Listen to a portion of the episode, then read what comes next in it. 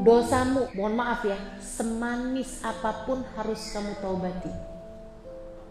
Saya nggak bilangnya semenyakitkan apa pun, karena ada banyak dosa-dosa yang buat hawa nafsu kita tuh rasanya manis. Buat sebagian orang nih, sampai udah hijrah sekalipun misalnya, udah di jalan yang ya udah sholat apa segala macam, tapi ngingetin dosa pernah pacaran masih dianggap manis kok. Makanya nih, dosamu semanis apa pun kamu harus mentaubati teman-teman. Jika bahkan kamu sekarang ngerasa, Ustazah saya sedang berada di dosa yang rasanya manis itu. Saya sampaikan padamu buruan taubat, buruan taubat. Kamu belum tentu punya waktu yang keburu untuk bisa putar balik dan menyusun langkah menuju surga. Belum tentu kamu punya waktunya teman-teman. Saat-saat yang nggak ada yang tahu sih. Kamu ngerasanya kayak yang ah nggak apa-apa.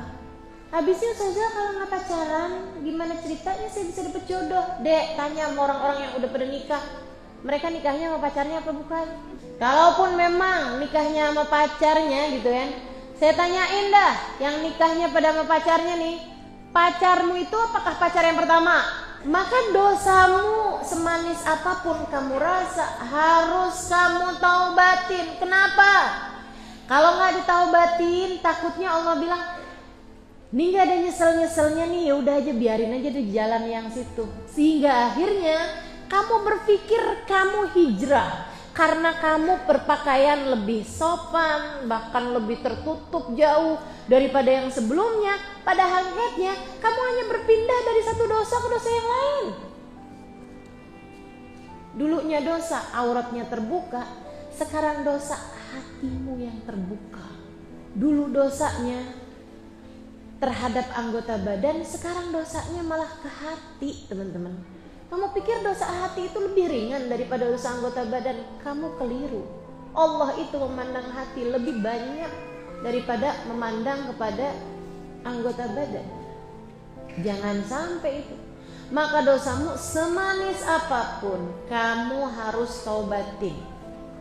Taubati dosa. Sekecil apa pun itu. Taubatin dosa semanis apa pun itu taubatin dosa agar ia tidak menjadi penghalang antaramu dengan Allah SWT.